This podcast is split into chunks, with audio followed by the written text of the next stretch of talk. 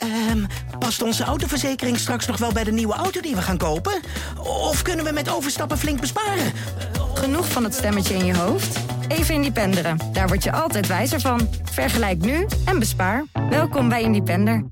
Ben jij zelf eigenlijk meer stad of meer platteland? Nou ja, ik voel me wel een beetje van beide eigenlijk. Ik ben opgegroeid in een, uh, in een klein dorp uh, in de Achterhoek, grens Achterhoek eigenlijk. Giesbeek heet dat. Aan de IJssel tussen Arnhem en Doesburg ongeveer. Met één basisschool, met elk jaar één klas. Dus iedereen die in dat jaar geboren was, zat in die klas. Ja.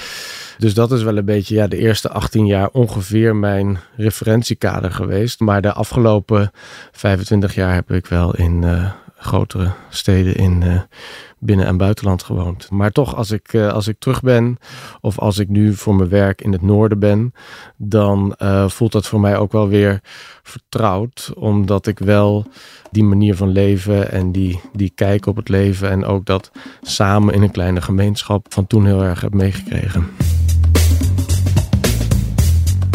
Hallo, fijn dat je luistert naar Stuurloos, waarin we het hebben over hoe wij Nederlanders een beter bestuur kunnen krijgen.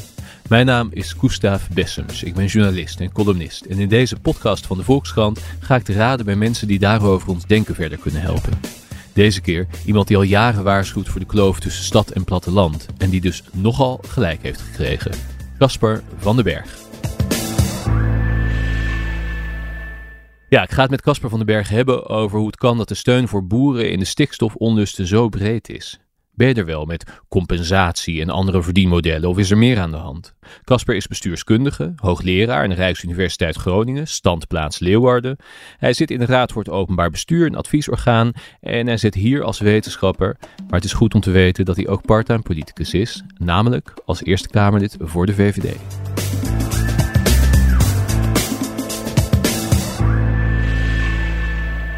En wat is dat op het platteland dat zo vertrouwd voelt voor jou? Nou, het idee van uh, doe maar gewoon. Hè? Maar ook wel het idee van een beetje, uh, een beetje naar elkaar omkijken. Kijk, in zo'n uh, in zo'n kleine dorp zitten alle kinderen bij elkaar in de klas. Dus zeg maar het kind van de mevrouw die uh, cashier is in de dorpssupermarkt en het kind van de burgemeester. En voor ons was het dus ook zo dat wij in de klas zaten bij uh, de kinderen die uh, de, een meisje wat de dochter was van een mevrouw die bij ons schoonmaakte bijvoorbeeld. En als je nou, hier in Amsterdam of in Utrecht of in Den Haag uh, maak je dat veel minder mee. Dat in je directe leefomgeving iedereen in verschillende rollen elkaar tegenkomt. Ja. En dat is wat ik altijd wel aan dat soort gemeenschap heel erg waardeer. Ja. En dat is denk ik altijd een beetje de paradox van het stadse leven. Dat dat aan de ene kant natuurlijk een soort van smeltkroes is. Heel veel diversiteit, iedereen bij elkaar. Maar je kan ook heel erg hè, ruimtelijk dicht bij elkaar staan, maar toch hele gescheiden levens leiden en weinig kennis van elkaar hebben of weinig van elkaar, ja, weinig van elkaar kunnen leren, zeg maar. En wat heeft je dan de afgelopen kwart eeuw naar die steden in binnen- en buitenland getrokken? Dat begon natuurlijk eigenlijk al met de middelbare school. Als die er niet is in je dorp, dan ga je een aantal uh, dorpen verder. En voor mij was het, uh, ja, het uh, studeren op de universiteit, waarmee ik in eerste instantie naar Utrecht ben gegaan en daarna naar Londen. En toen terug uit Londen kwam in Amsterdam ben gaan wonen en uiteindelijk in, in Den Haag. En, en denk je wel eens, ik ga weer landen op het platteland? Nou, dat zou best kunnen. Kijk, ik vind het nu met een, uh, met een jong gezin heel prettig om in de stad te wonen, met alles, uh, met alles dichtbij. Ja, de, de ruimte en de vrijheid die je, die je in uh, minder dichtbevolkte gebieden ervaart, die is ook wel heel aantrekkelijk. Maar voor deze levensfase is de stad ja. goed. Ja. Maar ja, goed, door mijn werk ben ik dus ook de helft van de tijd in het noorden eigenlijk. Dus in ja. die zin sta ik wel redelijk met twee benen in die twee verschillende werelden. Nou ja, die middelbare school is misschien wel een heel specifiek voorbeeld. Maar ik zit meteen te denken, het raakt ook al een beetje aan iets waar jij het vaker over hebt, namelijk het voorzieningenniveau op, Mhm. de, in het, plat, hè, op het platteland. Ik bedoel, je beschrijft nu voor een jong gezin is de stad in heel veel opzichten prettiger. En het zal ook nooit gelijksoortig worden. Nee, Maar een van de dingen waar jij je mee bezig hebt gehouden is ook wel dat de voorzieningen buiten de Randstad daadwerkelijk een stuk minder zijn geworden. Uh, ja, als je kijkt naar uh, publieke voorzieningen, natuurlijk onderwijs, zorg, openbaar vervoer, al die zaken. Maar ook gewoon winkels en andere soort van diensten. Die zijn niet gelijkelijk over het land verdeeld. Logisch natuurlijk ook. Ja. Maar als het gaat over de publieke voorzieningen, dan wil je eigenlijk wel dat daar waar ook maar in het land een bepaald minimum aan is, zodat het aantrekkelijk is om daar te wonen, zodat het aantrekkelijk is voor, um, voor bedrijvigheid om daar uh, te zijn. En ook vanuit een bepaald uh, ja, gelijkheidsprincipe. Uh, iedereen in Nederland betaalt uh, dezelfde belastingtarieven. dus in die zin moet iedereen ook ongeveer kunnen rekenen op een, op een vergelijkbaar voorzieningenniveau. En daar zie je de afgelopen 30 jaar. zie je eigenlijk dat, um, dat op heel veel plekken die publieke voorzieningen of opgeschaald worden, maar daarmee natuurlijk wel op grotere afstand van mensen terechtkomen. En dat is in grotere mate zo in de minder dichtbevolkte gebieden dan in de stedelijke gebieden. Ja. ja. En wat voor dingen gaat het dan bijvoorbeeld over? Nou, dan gaat het over, uh, over uh, uh, hoe ver het rijden is naar een, naar een ziekenhuis. Ja. Of, of de aanrijdtijden van, van nooddiensten, hulpdiensten scholen, met name lager onderwijs, uh, maar ook simpele dingen als bijvoorbeeld voor uh, pinautomaten hebben banken met elkaar afgesproken van uh, binnen vijf kilometer moeten voor iedereen geld te pinnen zijn. Hm. dat is een voorbeeld van zo'n minimumnorm, maar die minimumnorm die wordt niet die wordt lang niet in alle landelijke gebieden gehaald. En natuurlijk hangt je uiteindelijke geluk niet alleen af van, van uh, hoe ver je moet uh, lopen of fietsen of autorijden naar een pinautomaat. Maar over, die, over dat mechanisme gaat het natuurlijk wel op, op veel meer vlakken. Ja, wanneer werd jij eigenlijk gewaar van, hè, want je bent eigenlijk al best een tijd, uh, treed je naar buiten over achterstelling van landelijke gebieden in Nederland. Is achterstelling een goed woord eigenlijk? Nou, ik spreek liever over, um, over verschillen tussen verschillende type gebieden. Ja. En die zijn dus sociaal-economisch, maar ook wel sociaal-cultureel. Of dat achterstelling is, dat is een beetje natuurlijk in the eye of the beholder, hoe je dat wil uh, zien.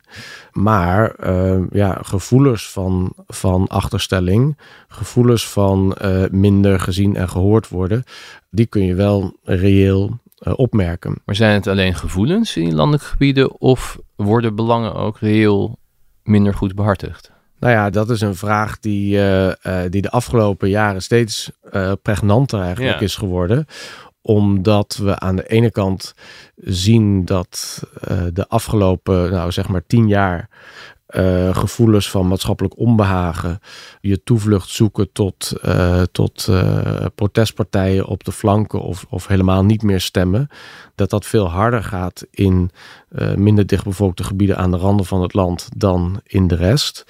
Nou, dat is een graadmeter van gevoelens van achterstelling, mm. zou je kunnen zeggen. In grote trekken blijkt dat empirisch ook wel echt vast te stellen. Kijk, het is ook weer niet zo dat in de gebieden waar de voorzieningen het meest achteruit zijn gegaan, dat men daar ook het meest PVV of Forum nee. bijvoorbeeld stemt. Maar in grote trekken is dat verband wel, uh, uh, wel zichtbaar. Nou ja, met PVV en Forum noem je meteen twee heel extreme mm -hmm. uh, bewegingen.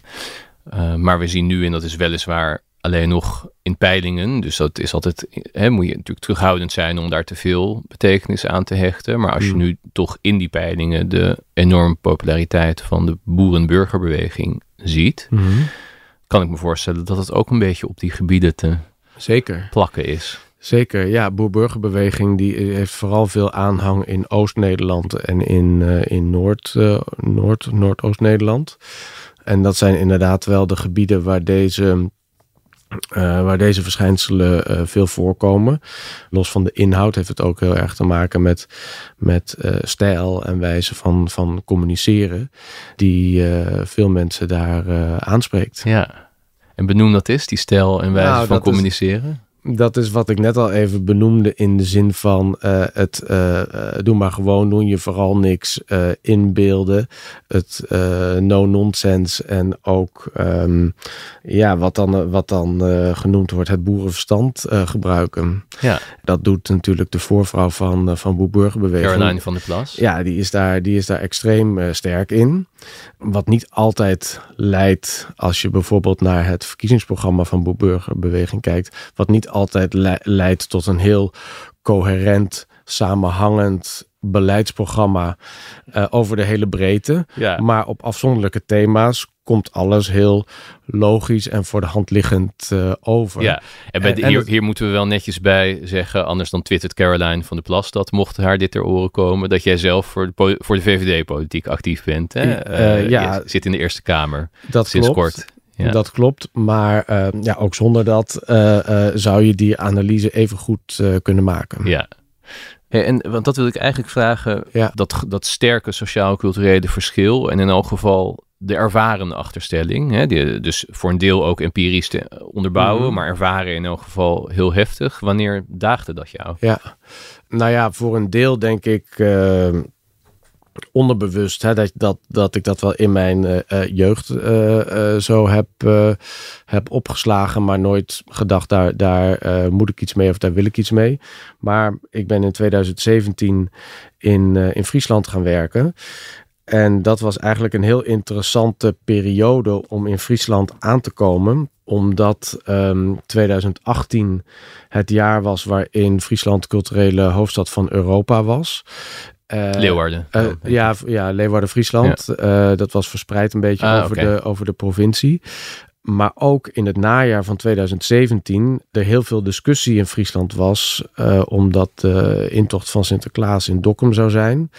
Daar veel protest tegen was. Wat is de rol van Zwarte Piet daarbij? Was het jaar van de blokkeervriezen, zoals Zo is ze het. gingen heten. Zo zijn ze gaan heten, inderdaad. Ja. En ik vond dat een hele interessante culturele confrontatie eigenlijk die daar plaatsvond. Omdat het aan de ene kant kick-out Zwarte Piet was, die met uh, bussen vanuit Amsterdam en vanuit Rotterdam daar naartoe wilde gaan om tegen de aanwezigheid van, um, uh, van Zwarte Piet te protesteren. En aan de andere kant dus mensen vanuit Dokkum, vanuit Breder in Friesland, dat eigenlijk wilden uh, wilde voorkomen. Nou ja, en zij hebben daar dus uh, snelwegen uh, voor geblokkeerd. Uh, gevaarlijke situaties gecreëerd. Zoals we ook deze zomer natuurlijk weer gezien hebben op, op snelwegen. Maar dan door boerenprotesten. Logischerwijs zijn, zijn de mensen daar ook voor, voor vervolgd. En ik vond het interessant om die zaak een beetje te volgen om te weten wat die mensen nou had bewogen om dat te doen. Dus ik ben met studenten ook op de, op de publieke tribune gaan zitten toen de verdachten uit die zaak uh, gehoord werden. Nou, dat was heel interessant, want zij wilden veel, een aantal van die van de verdachten wilden graag hun verhaal in het Fries uh, vertellen, wat ook een, uh, een recht is, omdat Fries natuurlijk een van de rijkstalen ja. in Nederland is. Nou, dat was al niet heel erg makkelijk, omdat niet heel veel mensen uit de rechterlijke macht uh, dat het Fries machtig waren. Ja. En, Moest er getolkt worden? Ja, dat, dat gebeurt. Ja.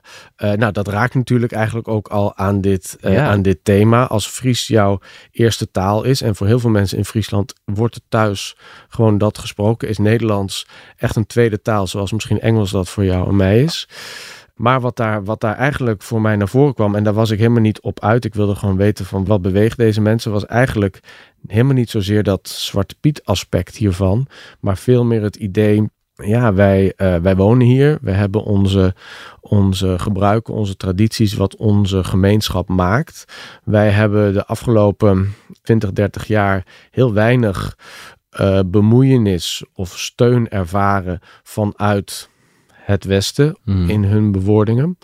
Uh, wat op zich prima is, laat ons ons eigen leven hier leiden. Maar kom dan niet hier met bussen vanuit Amsterdam en Rotterdam ons vertellen welke Ja. waarden en normen wel moreel verantwoord zijn en welke niet. Ook een beetje alsof het een soort van cumulatief proces is. Waar houdt dit op? Wat is het volgende wat men ons gaat afnemen of uh, verbieden, zeg maar. Dus hier ging het eigenlijk helemaal niet zozeer over dat voorzieningenniveau of over dat sociaal Nee. economische, maar ging het veel meer over het sociaal-culturele eigenlijk. En het hele idee van Sinterklaas en Zwarte Piet kwam op mij over als echt van ondergeschikt, uh, ondergeschikt belang. En dat heeft mij wel doen inzien van ja, wat, wat speelt hier nou precies? En natuurlijk, het, het, het Zwarte Piet verhaal is een heel uh, gevoelig thema. Maar wat als je daar uh, voorbij probeert te kijken? Wat als je hem afpelt, wat blijft er dan in de kern over? Dat was eigenlijk uh, uh, mijn idee. En dat was. En, en in de kern bleef over de vrees dat er meer kanten aan een eigen manier van leven zouden worden afgenomen, was het woord wat jij eh, Ja. gebruikte, door het Westen. Maar daar zei je wel ook bij een Westen waar heel weinig steun van is ervaren Ja. daarvoor. Ja, dus eigenlijk een, eh, een idee, hè, en dat is natuurlijk he- heel breed ook wel wetenschappelijk beschreven. Om het maar even samen te vatten als de open grenzen. Die hebben voor eh, een deel van de samenleving een hele positieve connotatie. Want dat betekent eh, eh, kansen en veel reizen en internationaal ervaring opdoen. en- Arbeidskrachten. een carrière op verschillende plekken in de wereld opbouwen, talen leren, culturele verrijking enzovoorts. En voor een ander deel eh, van de samenleving betekent het precies het tegenovergestelde. Juist een bedreiging van, het economische, van de economische bestaanszekerheid en of een, een ervaren bedreiging van de culturele identiteit. En dat is eigenlijk wat je in dit geval ook eh, wel sterk tegenkwam. Het idee van worden wij langzamerhand in een bepaalde eh, hoek geduwd waarin wij eh, niet als eh, volwaardig meetellen of waar, waarin onze manier van leven eigenlijk geen, geen kans meer krijgt. Dus dat merkte je. En waar ging dan vervolgens je interesse vooral naar uit? Want je, kunt ook meteen weer denken van oké, en hoe reëel is het dan? Dus bijvoorbeeld Ja. de vraag bedreigen open grenzen mensen in hun bestaanszekerheid of Mhm. hun werkgelegenheid. Wil je dan meteen weten, klopt dat? Of ging, Ja. ging je ergens anders? Ja, want dat heen. is meteen de vraag die zich opdoemt. Is dit een soort eh eh, Calimero-complex, om het zo maar te zeggen? Of zit er hier, zit hier ook een hele reële eh, component aan? En dat is het moment waarin ik ook in gesprek raakte met mensen die in, in Den Haag bezig waren met regio-deals binnen het ministerie van, van LNV. Het Die dus ministerie van Landbouw is dat? ja, het ministerie van Landbouw, die in, in het kabinet Rutte 3 eh 950 miljoen eh, ter beschikking kregen om eh, eigenlijk precies te doen waar wij het over hebben, namelijk de brede welvaart in de regio te versterken. Dat team wat daarmee bezig was, merkte eigenlijk dat hoe verder zij van Den Haag. Hè, die ging het hele land door om overal in regio's met eh, overheden en met eh, maatschappelijk middenveld en met bedrijven te praten over van waar ligt jullie behoefte, hoe kunnen we jullie helpen om mooie aanvragen te maken enzovoorts. En zij merkte hoe verder ze van Den Haag afkwamen, hoe meer weerstand of hoe meer wantrouwen of hoe meer afstand er ook ervaren werd tot de Haagse eh, politiek, de Haagse overheid. En zij wilden dat dus wel. Zij zeiden van ja, hoe, we, we ervaren het onbehagen in de gesprekken die we hebben als we voorbij, nou ja, Amersfoort, Den Bosch, Ja. eh, zeg maar. En ze kwamen geld brengen. Zij kwamen geld Ze hadden brengen. een kleine miljard eh, Ja. op zak en die kwamen ze verdelen. En er was dus kennelijk ook wel een soort alertheid, wel degelijk op dat ministerie, dat dit nodig was. Zeker. Zij kwamen met goed nieuws, om het zo maar te zeggen. Eh, maar zij merkten dat dat niet overal eh, met evenveel eh vertrouwen ontvangen werd. Nee. Toen hebben zij gevraagd of ik samen met een collega van mij, Annemarie Kok, dat is verder in kaart wilde brengen. Dus eigenlijk het ontrafelen van het hele begrip van maatschappelijk onbehagen. En vervolgens te Ja. kijken van, zien we nou een regionale of een geografische component daaraan? En wat houdt die dan in? We zullen een linkje naar jullie rapport in de show notes zetten. Een aantal luisteraars is zeer belangstellend en geëngageerd en eh, wil Mhm. altijd meer lezen over wat we bespreken. Wat was het voornaamste waar jullie op stuiten? Of wat, wat, wat zeiden jullie terug tegen dat team met die 950 miljoen? Het makkelijkste was eigenlijk om iets aan te tonen over de geografische concentratie van dat maatschappelijk onbehagen. Maar daarmee heb je het nog niet geografisch verklaard, om het Nee. zo maar te zeggen. Want een groot deel van eh, de verklaring of de voorspelling waarom mensen maatschappelijk onbehagen ervaren, heeft te maken met opleidingsniveau, inkomensniveau. Eh, gezondheidsniveau weten we ook eh, eh, sinds kort veel duidelijker hoe belangrijke, eh, hoe belangrijke factor gezondheid daarin speelt. Dus als je kijkt naar hoe dat soort elementen verspreid zijn over het land, dan zie je daar duidelijke patronen in met hoe ook dat onbehagen verspreid is. Tegelijkertijd, Is het, sorry, is het een uitkomst van beleid? Of deels? Ik bedoel, het feit dat dat onbehagen zo groot heeft kunnen worden, is dat ook een uitkomst van beleid van de afgelopen periode? Nou voor een deel niet, omdat het dus het eerste, het, eh, het eerste element wat wij tegenkwamen, is dat het heel erg te maken heeft met de samenstelling van de bevolking. Dus inderdaad, waar, waar meer mensen met een, met een eh, eh, lager of praktisch opleidingsniveau wonen, eh, zie je dat. Ja. Dat is één laag die al heel uh, verklarend is. Maar tegelijkertijd in heel veel gesprekken en in heel veel kwalitatief onderzoek komen natuurlijk ook dingen boven. Als bijvoorbeeld het aardbevingsdossier in Groningen. En heel veel andere voorbeelden van uh, ja, regionale thema's die negatief uitpakken voor minder dichtbevolkte gebieden. En waardoor men het idee krijgt dat zij dus, de mensen die daar wonen, daar er minder, uh, ja, minder goed op, de, op, het, uh, op het netvlies uh, staan. Ja. Er is, volgens mij hadden jullie het daar ook ergens over dat er enigszins, maar verbeter me als ik het niet goed weergeef, enigszins een fixatie was ontstaan op de boze burger. Ja. He, ook een beetje na uh, de opkomst van Pim Fortuyn, inmiddels ja. al, al meer dan twintig jaar geleden. Mm -hmm. Maar dat was zeker in die begintijd, herinner ik mezelf ook wel goed, dat was een boze burger in de stad. Ja. De wijken in uh, ja. moest men. Er kwam ook een wijkenaanpak. Dat speelde zich eigenlijk allemaal in die steden af. Is het toen gemist? Daarin zit wel een heel belangrijk um, uh, wortel van dit, van dit verschijnsel. Omdat eigenlijk, hè, dus de, de, de Fortuyn-revolte, die wordt inderdaad gekenmerkt. Ook in de retoriek van Fortuyn zelf.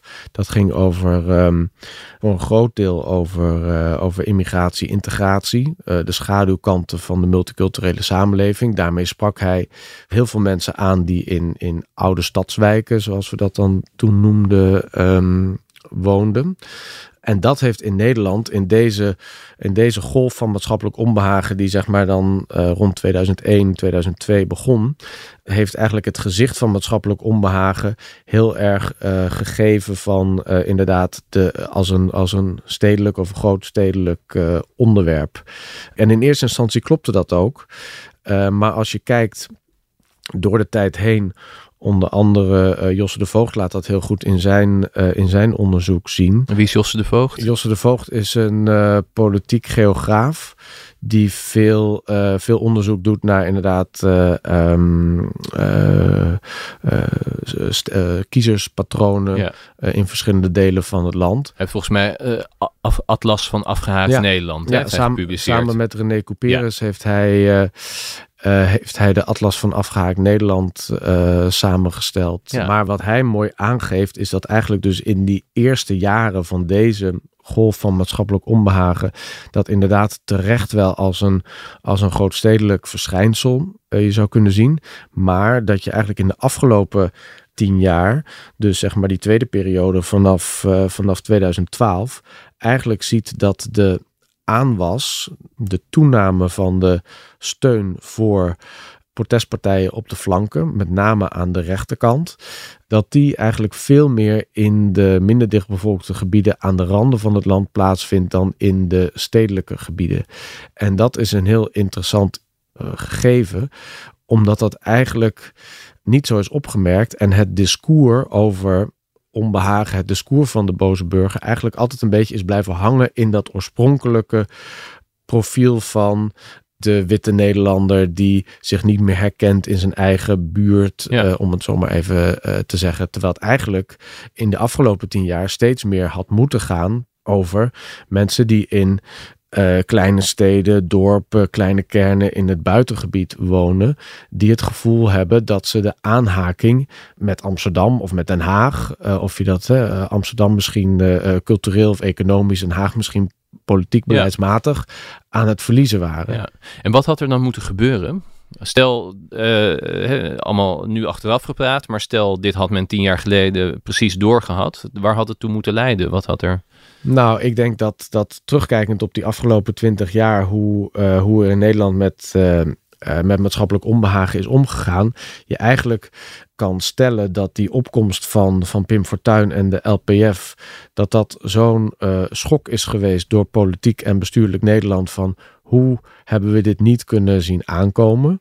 Waar hebben onze um, antennes verkeerd afgesteld uh, gestaan? En dat zag je ook in de reacties op dat moment. Hè, dat er heel erg gesproken werd van... oude politiek van voor Fortuyn en nu nieuwe politiek die veel uh, directer en ook wat rauwer eigenlijk uh, was. Dat zag je eigenlijk meteen in die samenstelling van de Tweede Kamer vanaf die verkiezingen van 2002. En heel erg dus de zoektocht naar uh, wie is dan die boze burger? Hoe kunnen we die hoe kunnen we de stem van die boze burger meer laten doorklinken in Den Haag? En waar dat toe geleid heeft, is eigenlijk dat vooral in het debat, in het discours, zeg maar, de, de, de zorgen, de grieven, het taalgebruik uh, van uh, dat type boze burger, dat die heel erg onderdeel is geworden van het debat. En dat is denk ik ook heel logisch als een eerste reactie. Maar eigenlijk vind ik dat je twintig jaar later kan zeggen dat we nog steeds in die primaire reactie zitten. En de primaire reactie is vertolken van het geluid. Ja, op zoek gaan naar wie het is en het vertolken van het geluid, maar vooral dus in de communicatieve en in de retorische zin daarvan. En wat had er dan moeten gebeuren wat niet is gebeurd? Dus men is blijven haken in het, retor uh, in het retorische en in plaats daarvan had wat gemoeten? Nou, als dat de primaire reactie is, dan is dus de volgende stap om te kijken van oké, wat zit hier, wat zit hier nou inhoudelijk achter? Hmm. Wat zit hier inhoudelijk voor zorgen en, uh, en uh, grieven achter? En als er dus, um, uh, ja, hoe kunnen we ons, ons niet alleen maar het woord, het taalgebruik overnemen, maar, maar echt beter gaan, gaan verplaatsen en zorgen hoe we in onze beleidsplannen, in onze wetgeving, beter kunnen aansluiten bij wat die mensen zorgen baart. Maar kun je daar een voorbeeld van noemen? Wat, waar had het dan bijvoorbeeld toe, kunnen, toe moeten leiden? Nou, dan gaat het dus eigenlijk over wat Pim Fortuyn eigenlijk al aangaf. Dat als het gaat over de kosten en de baten van globalisering, dat die uh, uh, niet gelijkelijk over, over alle groepen terechtkomen. Om te kijken hoe kun je uh, stutten waar dat uit de hand loopt. Dat gaat bijvoorbeeld over, die, over toegang tot voorzieningen. Ja de vraag die, die dan beantwoord moet worden. Uh, ik heb daar eerder iets over gezegd. Peter Giesen uh, van uh, Volkskrant die heeft dat heel mooi gezegd eigenlijk. Hoe kun je mensen in een open samenleving zoveel zekerheid bieden dat ze niet verlangen naar een gesloten samenleving? En dat is misschien wel de kern van dit probleem. Of ze nou in de stad wonen of, in de plat, of op het platteland wonen. Dat je daar uh, in de politiek en uh, binnen de overheid beter over nadenkt. En daar kom je niet mee door uh, de boze burger op een voetstuk te plaatsen. alleen maar dat. Hè? Hmm. Dat moet je misschien in het begin doen. En vervolgens moet je veel meer inhoudelijk kijken van wat, wat is er dan nodig. Nou, het vergroot misschien het probleem dan wel juist. Want er ontstaat een steeds groter, het gaat steeds verder uiteenlopen wanneer aan de ene kant natuurlijk heel erg lippendienst wordt bewezen mm. uh, aan bepaalde sentimenten, maar materieel ja. de wijziging niet plaatsvindt, ja. dan krijgt dat ook nog een enorme zweem van onbetrouwbaarheid natuurlijk. Ja, en in zekere zin is dat wel wat er, uh, wat er gebeurd is, maar het gaat er ook om um, dat je niet, uh, niet meer belooft dan je, als het over betrouwbare overheid ja. gaat, uh, niet meer beloven dan je eigenlijk kan, uh, uh, kan waarmaken. Omdat op een heel, heleboel dossiers ook misschien de Rijksoverheid dat niet, dat niet zou kunnen. Maar dan moet je de vraag stellen, wat, wat is er dan nodig in de organisatie van ons openbaar bestuur? Dat dat beter kan in de samenwerking tussen de verschillende bestuurslagen, in de samenwerking tussen de verschillende beleidskokers op de verschillende onderwerpen. Ja, maar puur materieel hoor ik toch vooral tot nu toe die voorzieningen die beter zouden moeten zijn in landelijke gebieden? Deels omdat als je het niet doet, uh, mensen natuurlijk ook heel snel het gevoel krijgen: wij staan achter in de rij als het gaat over, over investeringen. En als daar dan bijvoorbeeld iets als het uh, aardgasdossier in Groningen of het uh, inspuiten van afvalstoffen in de bodem in Twente of het niet doorgaan van de marinierskazerne in, in Vlissingen. En heel ver terug natuurlijk het sluiten van, uh, van de mijnen. Nou, ik weet, dat, dat is natuurlijk uh, maar iets wat wel generaties al, uh, al doorwerkt. Werd daar vroeger meer aandacht aan besteed? Bijvoorbeeld ook op het gebied van werkgelegenheid. Hè? Ik kan me herinneren dat ja. de overheid bijvoorbeeld bepaalde grote werkgevers op plaatsen vestigde. Ja. Er zit bijvoorbeeld nog steeds een kantoor van CBS in Heerlen. Ja. volgens mij Belastingdienst. ja. ja, ook naar Groningen ging veel PTT-werkgelegenheid. Ja. Ja, ik ben zelf niet echt van de school dat dat de oplossing okay. is. Want bijvoorbeeld hè, het, het uh, verplaatsen van het CBS of het openen van een open universiteit in Heerlen omdat de mijnen daar dicht gingen. Kijk, het is natuurlijk niet zo dat de mensen die daarvoor uh, mijnwerkers waren, Nee. dan eh, analisten bij het CBS worden. Ja. Of dat eh, mensen die daar gingen werken, eh, eh, daar naartoe kwamen wonen en in die zin door Ja. meer hoger opgeleide Ja, dat je weer een diensteneconomie Ja. stimuleert. maar ik denk dat je veel beter kan kijken van wat, wat is de eh, kracht van het gebied zelf? Wat zit daar historisch voor industrie waarop je kan voortbouwen? Dat is natuurlijk eigenlijk wat eh, het verhaal van Eindhoven, hoe een eh, gloeilampenfabriek uit het einde van de 19e eeuw eh, heeft geleid tot ASML eh, Ja. eh, daar. En voor een deel dat ook het verhaal in Twente, hoe, oude, hoe oude, een oud textielgebied nu leidt tot hele innovatieve maakindustrie die daar, die daar is. Nou ja, en in sommige gebieden is de landbouw natuurlijk heel sterk. En, en is daar heel veel in geïnvesteerd en is dat veel intensiever geworden. Maar daar lopen we natuurlijk nu tegen de, behoorlijk tegen de grenzen aan. Ja, En daarmee is natuurlijk, zoals, zoals nu de afgelopen tijd tot veel meer mensen doordringt, een, een heel groot complex is daaromheen ge, eh, ontstaan. Van financiers, van eh, diervoederbedrijven, van slachtbedrijven. profiteren gewone mensen in landelijke gebieden er wel van eigenlijk. Nou, heel weinig. Heel Ja. weinig. En dat is een beetje het, het, eh, het vertekende beeld. Eh, wat de afgelopen jaren in het kader van de stikstofdiscussie eh, ontstaan is. Dat het gaat over ehm, het belang van de boeren en het belang van, het, van de landelijke gebieden. Ja. Terwijl tot heel veel mensen pas heel laat doordringt hoe, hoezeer ehm afzonderlijke boeren eigenlijk in een, in een klem zitten ten opzichte van dat agrocomplex Ja, eh, wat daarin zit.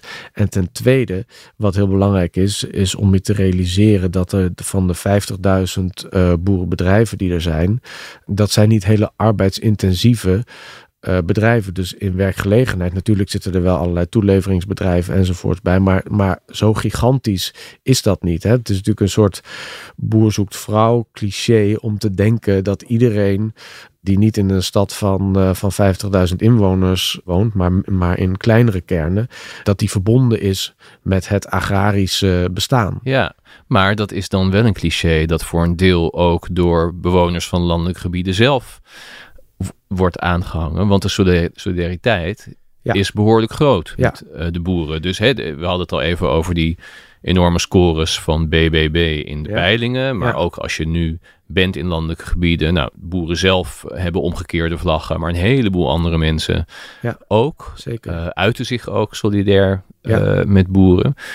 Gaat dat dan tegen hun eigen belang in? Of in ieder geval niet, is het niet per se in hun eigen belang? Economisch gezien moet het belang van, eh, van de boerenbedrijven voor het landelijk gebied eh, niet overdreven worden. Maar boeren en boerenfamilies als cultuurdrager van die gebieden, dat is wel heel eh, sterk.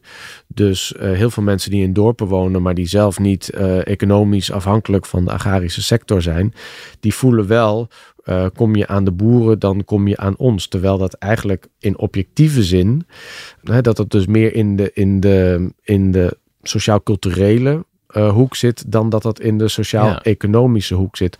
Want uiteindelijk de intensieve landbouw zoals die op dit moment in Nederland plaatsvindt, is een soort race to the bottom als het gaat over eh, het bodemgebruik. Eh, de biodiversiteit, de waterkwaliteit eh, en ook zaken als ehm, nou, de volksgezondheid als het gaat over zoonose enzovoort.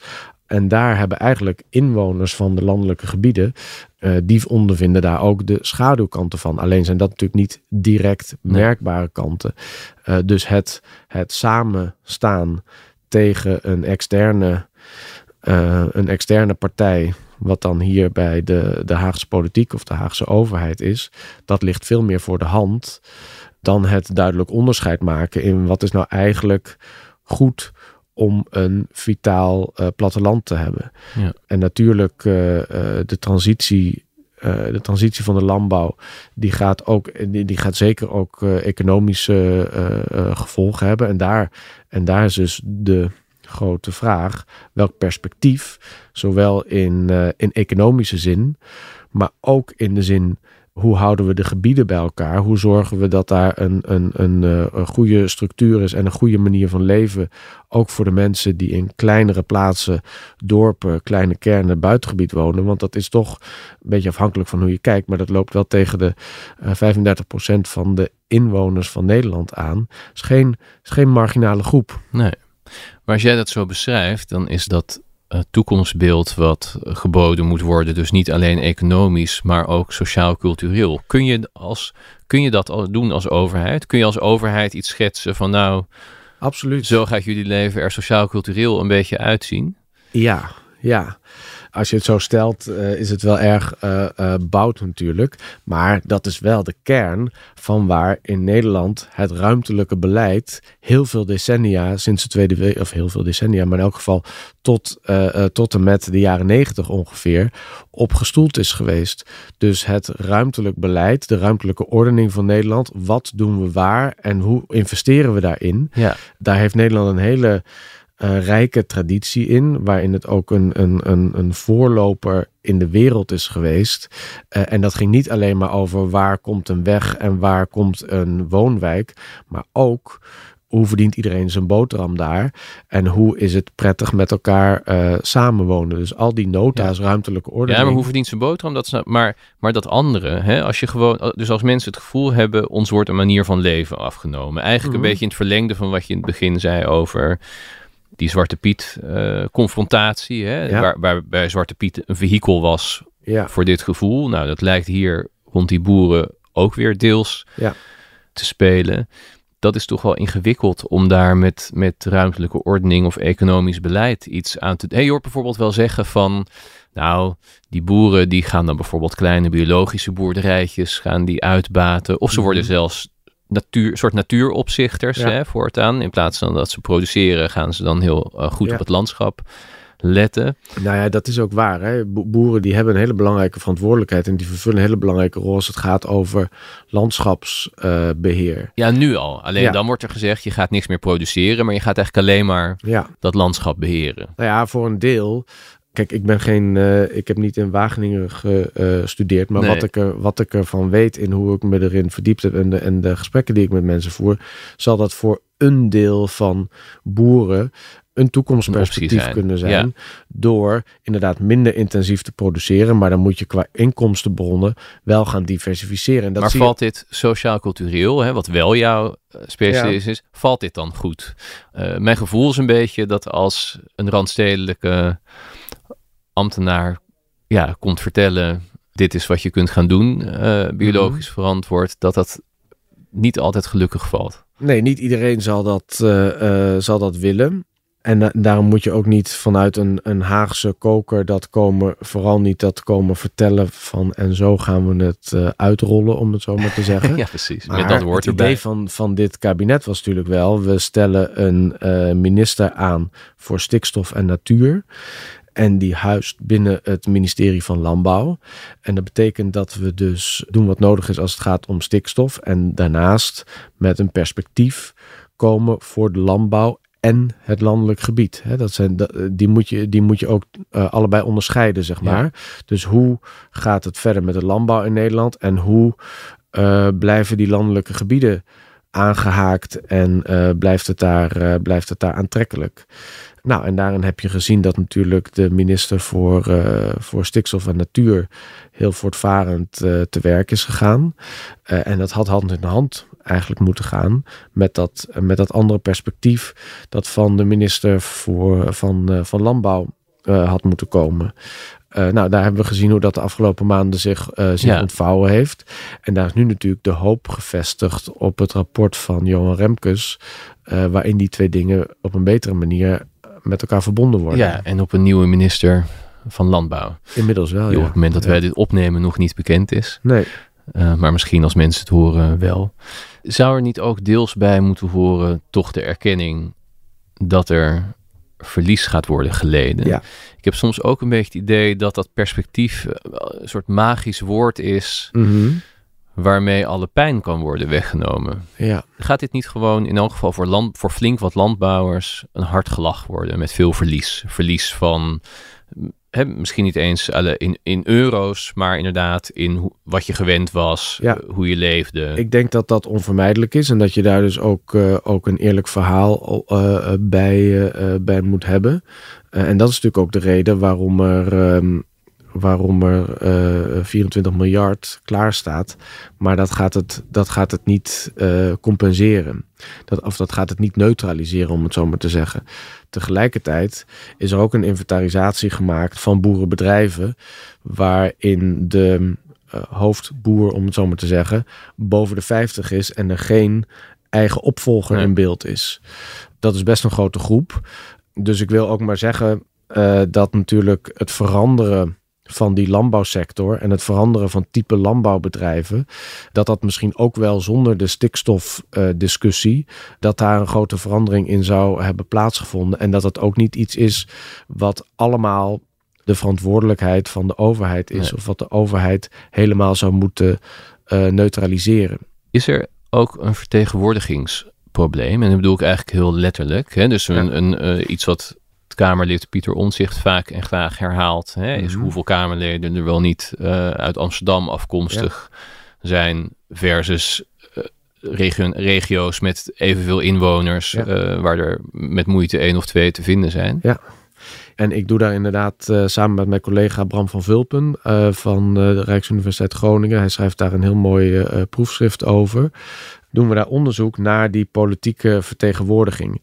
En eh, het is natuurlijk een hele makkelijke graadmeter om dan te kijken van oké, waar, wonen, eh, waar wonen mensen op dit moment?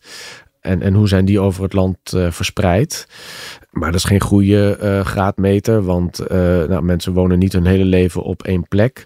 Mensen kunnen eh, in een bepaald gebied hun vormende jaren hebben gehad en dat perspectief meenemen in een politieke, in een politieke werk. Dus daar hebben wij een veel fijnmaziger eh, manier gevonden om eigenlijk het geografische profiel van een Kamerlid te Mhm. identificeren. En tegelijkertijd, als zo iemand dan in de Kamer komt, wat dan? Maar even dat eerste de- deel, want jullie hebben dus een aantal criteria, dat snap ik, hè, Ja. dat je naar wat meer dingen kijkt dan de huidige woonplaats. Dat Ja. het ook relevant is wat mensen daarvoor hebben gedaan, welke contacten ze hebben. Ja. Alhoewel ik overigens wel degelijk denk dat het echt uitmaakt of je van dag tot dag, ja, Mhm. even heel simpel gezegd, bij de bakker dingen terug hoort. Eh, Ja, maar ik geef bijvoorbeeld een, eh, een voorbeeld van eh, Lilianne Ploemen. Hè? ja. Woont, nou ik weet niet zeker, maar ik denk al twintig jaar in, in Amsterdam. Maar doordat zij een Limburgs accent heeft, Ja. is zij wel herkenbaar Ja. als iemand uit die regio. Eh, en tegelijkertijd is het zo dat mensen, hoe langer ze in de Kamer zitten, hoe groter de kans is dat ze dichter naar Den Ja, Haag verhuizen. om logische redenen, ja. Ja. En, maar even, en wat kwam er met deze meer uitgebreide criteria dan uit? Eh, Is Nou, er iets over te zeggen? Hoe ja. goed of slecht regio's zijn vertegenwoordigd? Ja, daarin zie je eigenlijk dat, dat inderdaad de, de, de, de grootstedelijke regio's, dat die eh, een oververtegen, de meeste een oververtegenwoordiging eh, kennen. De verklaring daarvoor die kan zijn inderdaad, hè, we kennen natuurlijk het argument van de diploma-democratie, hoe meer hoogopgeleide eh, enzovoorts. Maar dat er ook randstedelijke gebieden zijn waar, waar, je, waar eigenlijk minder mensen wonen dan je eh, eh, zou verwachten. En er zijn ook tussen aanhalingstekens perifere gebieden die eigenlijk meer Kamerleden voortbrengen dan je op basis van hun inwoneraantal zou verwachten. Waar is dat bijvoorbeeld? Dus wij noemen eh, dat is in Zuid-Limburg, als ik het goed heb. En ook in delen van, van Friesland is dat het geval. Dus je hebt eh, wat wij dan noemen vocale perifere gebieden. ja. Die eigenlijk eh, eh, boven hun gewicht boksen, om het zo maar te zeggen. Maar goed, dat is dus eigenlijk één kant van de medaille. Maar waar, waar komen mensen Ja. vandaan? Veel interessanter. En daar is tot nu toe dus nog geen onderzoek naar gedaan. Wat voor kamervragen stellen die mensen nou eigenlijk? Wat voor onderwerpen eh, stellen zij aan de orde? En in hoeverre heeft de inwoner van Drenthe er nou wat aan dat, dat er meer mensen uit Drenthe in de Tweede Kamer zouden komen? Want hè, je, je- kent Den Haag natuurlijk ook eh, goed. Iemand komt in een fractie terecht, ja, krijgt Eh, een portefeuille. krijgt een portefeuille, wil misschien ook wel graag na vier jaar nog een keer terugkomen op die lijst. Dus die gaat voor een deel braaf doen wat, eh, wat er van eh, hem of Ja. haar verwacht wordt. Voor een groot deel was mijn ervaring. Het is een Ehm, tijdje terug. Maar... Ja, dus, dus dat is wel eh, boeiend om te zien van... is het nou inderdaad zo dat je een, een Drent in de Kamer nodig hebt om Drentse thema's aan te kaarten? Of, en dan valt die hele discussie van Pieter Omtzigt, zoals je noemt, een beetje weg. Of kan een Amsterdams Kamerlid net zo goed voorvechter zijn van de belangen van mensen in het aardbevingsgebied in Groningen als iemand die uit Groningen zelf komt? Nou, ja, maar inderdaad uh, heeft het er denk ik wel veel mee te maken met wat jij beschrijft. Niet alleen over die portefeuilleverdeling, maar ook hoe daar vervolgens mee wordt omgegaan in fracties en of politieke partijen. Uh, een beetje zoiets kennen als een open discussiecultuur. Hè, waarin je dus, oké, je komt uit Drenthe, maar je bent, uh, weet ik veel, een woordvoerder op veiligheid geworden, wat veel breder is dan die specifieke regio. Dus als je dan vervolgens naar de Kamervragen of interventies of moties van die, dat Kamerlid gaat kijken, zie je er misschien niks specifieks Drents mhm. aan. Maar zo mhm. iemand zou wel in een gezonde open cultuur is kunnen zeggen: hey, ik hoor dit van mensen om mij heen. Is dat geen onderwerp? Ja. Dat lijkt me overigens heel moeilijk meetbaar uh, als je het gaat onderzoeken. Ja, dat kunnen wij ook niet um, uh, gekwantificeerd weergeven. Dat mijn, mijn niet-wetenschappelijke observatie is dat het aan die open discussiecultuur ontbreekt. Um, ja, dat... Uh, um... Dat je eigenlijk toch meestal geacht wordt, zeker als je een beetje nieuw wordt, om inderdaad gewoon netjes binnen de lijn te kleuren en ja, niet maar ja, tegelijkertijd, um, er gebeurt binnen politieke partijen natuurlijk wel ook heel veel uh, als het gaat over uh, bestuurdersverenigingen die bij elkaar komen, alle decentrale bestuurders enzovoort. Dus hè, daar merk ik met mijn uh, andere pet op wel het nodige van. Dat er ook binnen politieke partijen best veel discussie en best veel debat hierover is. Mhm. Ik ben niet heel, heel pessimistisch daarover. Ik denk dat het, dat het goed is dat dit onderwerp de afgelopen jaren veel meer op de, uh, op de kaart is gekomen. Omdat het eigenlijk iets is wat ik al aangaf in die, dus, in die bredere discussie over maatschappelijk onbehagen. Toch een soort van blinde vlek is geweest. Omdat het thema van die ruimtelijke verschillen moeilijk te plaatsen is in het Nederlandse zelfbeeld van we zijn een klein land, kleine afstanden, ja. ook nog egalitair ingesteld. Hoezo verschillen? Maar uh, wat collega's van de Erasmus uh, Universiteit de afgelopen jaren heel mooi uh, ook visueel gemaakt hebben, de kansenkaart. Het maakt toch heel veel uit of je in Meppel opgroeit of in Alf aan de Rijn opgroeit. Zelfs al zijn dat twee mensen, uh, twee kinderen die sociaal-economisch gezien in, eh, in dezelfde soort gezin geboren worden. Het feit dat de ene locatie in een, in een verstedelijkt gebied is en de andere niet, heeft invloed op je uh, kansen later in het leven.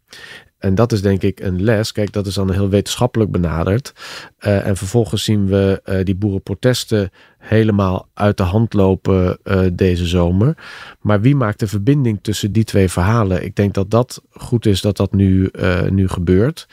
En dat eigenlijk de stikstofcrisis in wezen dus ook een kans zou kunnen zijn om het ruimtelijke beleid voor die, uh, voor die landelijke gebieden een veel uh, centralere plek te geven in, het, uh, in het nationale beleid. En je noemt inderdaad nog een keer die uit de hand gelopen protesten. En maar ja, ik ben wel benieuwd waar jouw optimisme vandaan komt. Want het mm -hmm. zorgt op zichzelf ook juist weer, merk je, voor miskenning en verontwaardiging bij andere groepen in Nederland. Mm -hmm. Die nu het idee hebben nou, uh, als je de boel maar kan blokkeren met een trekker, als je, als je intimideert en dreigt, want dat hebben sommigen ook gedaan, ja. dan kom je kennelijk een heel eind in Nederland. Want dan uh, wordt alles nog een keer heroverwogen en dan wordt Johan Remkes ingevlogen en dan gaan ja. we misschien terugkrabbelen. Hè? Er, was ook, er is ook best onvrede geweest, bijvoorbeeld over uh, het politieoptreden of gebrek daaraan. Ja. Toen die rellen er waren. Dus het, En dat andere onbehagen, is dat niet ook iets om aandacht... We hebben het nu heel veel gehad over het onbehagen van boeren. Maar er zijn nu ook mensen met een behoorlijk onbehagen de andere kant op. Ja. Die idee, idee hebben wij worden door een klein groepje rijke boeren getheoriseerd. Hebben die ook een punt, vind je, of niet? Nou ja, kijk, iedereen die zich zorgen maakt over het functioneren van de, uh, van de democratische rechtsorde, die heeft denk ik een, uh, een punt het hele explosieve wat we deze zomer met die boeren, boerendemonstraties hebben gezien. Dat is natuurlijk wel echt, uh, wel echt heel, heel extreem. Voor heel veel uh, mensen die daar in, in de krant overlezen of dat op televisie zien. Maar ook voor, voor lokale en provinciebestuurders is dat echt iets wat ongehoord is en wat je gewoon wat niet thuis hoort in een democratische rechtsorde. Dus dat is wel een extra uitdaging op dit moment voor het openbaar bestuur en voor ons als politieke gemeenschap en als ruimtelijke gemeenschap. Om daarvoor te zorgen dat we dat niet uh, opnieuw gaan, uh, uh, gaan meemaken. En Had dat... dat wel meer gemarkeerd mogen worden eigenlijk? Ik bedoel, zonder dat dat afdoet aan dat je voor allerlei begrijpelijke achterstelling of onbehagen of zo oog hebt mm-hmm. en daar beleidsmatig wat aan doet.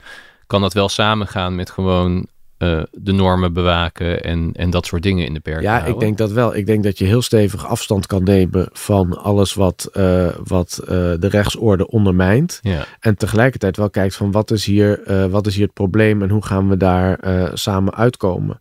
Maar ik denk dat terugkijkend op alles wat er deze zomer gebeurd is, een heel sterk signaal van protesten die de rand opzoeken of de rand overheen gaan van wat eigenlijk terreur is, dat kunnen we in Nederland niet hebben. Word je eigenlijk ook wel eens, je bent natuurlijk uh, sinds kort senator, maar word jij binnen je partij überhaupt op dit thema veel geraadpleegd? Het zou voor de hand liggen. Ja, dat, uh, uh, ja, dat, merk, ik, dat merk ik wel. Ja. En dat is natuurlijk ook, um, ja, toen ik, toen ik me gemeld heb met, met het idee van kan ik op een kies, kieslijst komen, toen heb ik ook wel dit onderwerp meegenomen als een van de dingen die ik relevant vind en waarop ik een, een bijdrage kan. Ja, dus de woordvoerder in de fractie of zo'n minister van der Wal, die sparren ook wel eens met jou. Um, nou, zeker in de fractie en ook breder in de partij. Ja. Ah ja. ja. Mag je dat niet zeggen? Vind je dat al indiscreet om überhaupt het contact te bekennen? Uh, nee, helemaal niet. Ik zou het een groter schandaal vinden als het er niet was, het contact. Dat zou ik gekker vinden. Um, uh, nee.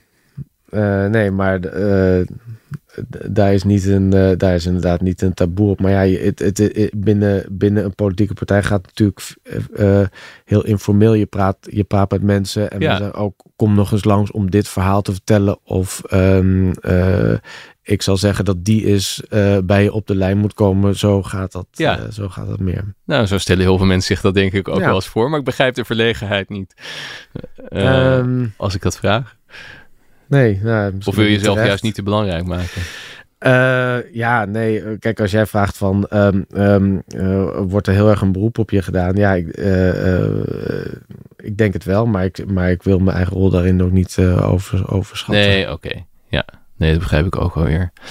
en zeg je dan ook eens dingen als, en dat is misschien wel breder dan het landelijk gebied. Ja, jongens, misschien hebben we überhaupt als partij die publieke voorzieningen wel te zeer uitgekleed en te veel dingen over de heg gegooid bij mensen. Dat is natuurlijk een verhaal van een hele, van een hele lange lijn eigenlijk. Hè? Ook als je deze week uh, Herman Tjenk Willink uh, bij jullie in de Volkskrant daarover uh, leest. Ja.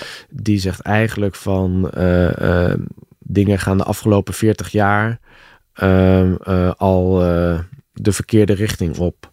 En dat betekent eigenlijk dat dit een verhaal is wat eigenlijk uh, alle middenpartijen uh, wel, uh, wel raakt. Ja, maar jij bent van één van die partijen mm -hmm. en dat is ook de partij die het vaakst heeft geregeerd en die misschien ook op dit thema wel het meest enthousiast was over wat er privaat allemaal kon worden geregeld. Ja, nou ja, kijk, in de jaren negentig uh, uh, was het natuurlijk zo dat uh, de bomen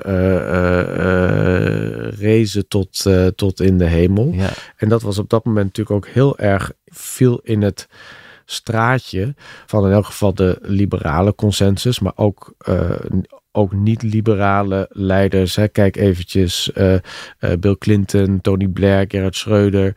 Uh, dat waren de mensen die ook heel erg deze lijn aanhielden. En in Nederland was in de jaren negentig waren de, de kabinetten onder leiding van Wim Kok daar geen, geen uitzondering in. Ja. En voor liberalen was het is natuurlijk altijd wel heel erg de zorg om hoe kun je de koek zo groot mogelijk maken. En tegelijkertijd is er ook binnen liberale denkers een voortschrijdend inzicht waarin, waarin ehm, eh, nu toch veel duidelijker wordt van ja, het is mooi om die koek groter te maken, maar het is ook verstandig om te blijven nadenken hoe die koek dan verdeeld wordt, al was het maar vanuit het oogpunt van stabiliteit en uh, de boel bij elkaar te, te houden. En dat is denk ik iets wat, um, wat ook binnen mijn partij wel een, een um, voortschrijdend inzicht aangeeft. En als je al twaalf jaar de grootste, uh, de grootste partij bent, ja, ik denk dat de meeste mensen nu op een aantal punten anders denken over sommige thema's dan ze twaalf jaar geleden. Ik persoonlijk in elk geval ja. uh, wel. En daarin moet je uh, lessen trekken. Ja, je wordt voorzichtiger hè, als het over politiek gaat. Merk je dat? Ja, ja wel een beetje. Ja. ja. Hoort dat erbij? Um, ja. Um, hoort dat erbij? Um, ja, het zijn natuurlijk twee hele verschillende, hele verschillende rollen. Ja. Uh, die, uh, uh, die ik vervul. Aan de ene kant, aan de ene kant het, ja, het, het echte empirisch onderzoek. En aan de andere kant kijken hoe kun je dat, hoe kun je de lessen die daaruit naar voren komen in een vorm gieten, zodat ze bijdragen aan de oplossing van een probleem, maar ook zodat je er meerderheden voor kan krijgen. Ja. Want in de politiek gaat het, uh, gaat het over en oplossingen voor inhoudelijke problemen, maar het gaat ook over machtsvorming. Ja. Ligt dat je een beetje? Nou ja, ik zit, ik zit niet uh, in, het, uh, in het hart van. Nee, maar je kan er nu een klein beetje aan proeven, toch? Ja, ja, maar ik uh, en ik doe dat. ik probeer daar um, um, een, een, goede inhoudelijke bijdrage aan te leveren. Maar het voelt voor mij ook als een soort fly on the wall. Ja, het is ook weer eigenlijk bijna onderzoeksmaterie waar je tussen zit. Ja, zeker, ja. zeker. En het versterkt het onderzoek en ook zeker het onderwijs. Ja als je met uh, sprekende voorbeelden hoe uh, uh, kan komen en hoe, hoe het dan gaat in, ja. in Den Haag. Met je tijd is dan een beetje 80-20 verdeeld, zeg maar. Um, wetenschap, politiek. Eerste Kamerlidmaatschap is één dag in de week. Ja. Dus dat zijn um, 75 leden die dat allemaal voor 0,2 ja. FTE doen. Dus dat is 15 FTE in totaal. Ja. Dat zeg ik er vaak bij, omdat mensen denken... Uh, Eigenlijk zit je maar met z'n vijftienen. Ja, ja, en ook niet al te veel uh, uh, franje daaromheen, nee. zeg maar. Dus nee, dat doe ik één dag in de week. En vier dagen in de week werk ik aan de Rijksuniversiteit Groningen en aan de Universiteit ja. Leiden. Ja. En zie je die balans ooit de andere kant op slaan? Nee, ik ben heel tevreden met hoe dat, uh, uh, hoe dat nu gaat. Nee, beroepspoliticus hoeft voor mij helemaal niet. Nee, nou, dat kwam er heel snel en duidelijk ja, uit. Ja. ja. Oké. Okay. Heel erg dank voor dit gesprek. Graag gedaan. Dankjewel voor het luisteren naar Stuurloos, een podcast van de Volkskrant. Vond je het nou de moeite waard? Deel deze podcast dan alsjeblieft in je netwerk of op sociale media. Of geef ons een hoge waardering in je app of een prachtige recensie.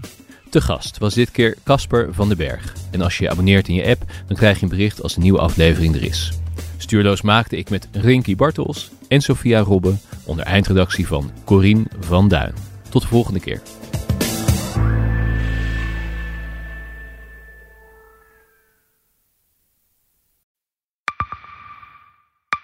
Zijn leven is overhoop gegooid. Plus dat heel veel mensen hem niet geloven vrienden niet die, die denken, ja, hij is gewoon gek geworden. Hoe naar moet dat zijn? Als je vertelt over de meest indringende ervaringen uit jouw leven en niemand gelooft dat je het echt hebt meegemaakt. Ja, ik vind zelf niet dat ik het verzonnen heb, maar sommige mensen denken dat wel. Maar hoe kom je erachter of jij het doelwit bent van een geheime dienst? Ik heb ook wel eens meegemaakt dat je het idee hebt dat inlichtingendiensten in je geïnteresseerd zijn. En dan kun je wel heel veel zien, wat er misschien helemaal niet is. Als ik s'avonds nog iets ging eten, dan volgden die mensen mij naar het restaurant. En dan terug van het restaurant naar het hotel. Als zij op een gegeven moment zei, kijk maar uit, want anders word je dadelijk nog ontvoerd ook. Shit, ik moet hier weg. Dat is, is niet goed. Nu word ik gevolgd. Een soort Truman Show is het gewoon. Hè? Alsof dat hele straatbeeld voor jou is ingericht. Maar dan wel met bedoeling jou, jou niet door te laten. Dit kan geen toeval zijn. Een nieuwe podcast van de Volkskrant. Mijn naam is Simone Eleveld en samen met Huid Modderkolk ontrafel ik een bizarre operatie van de geheime dienst. Wat het doel ook is, jij verliest het. Ik werd opgepakt, heel lang ondervraagd. Maar hoe krijg je grip in een wereld die zo ondoorzichtig is? Als je zou liegen, dan zou je niet de meest relevante informatie twee jaar later tussen neus en lippen doorvertellen. Er zal nooit iemand zeggen, oké Bart, ik geloof je. Nooit, nooit. Dit kan geen toeval zijn. Vanaf 3 oktober bij de Volkskrant.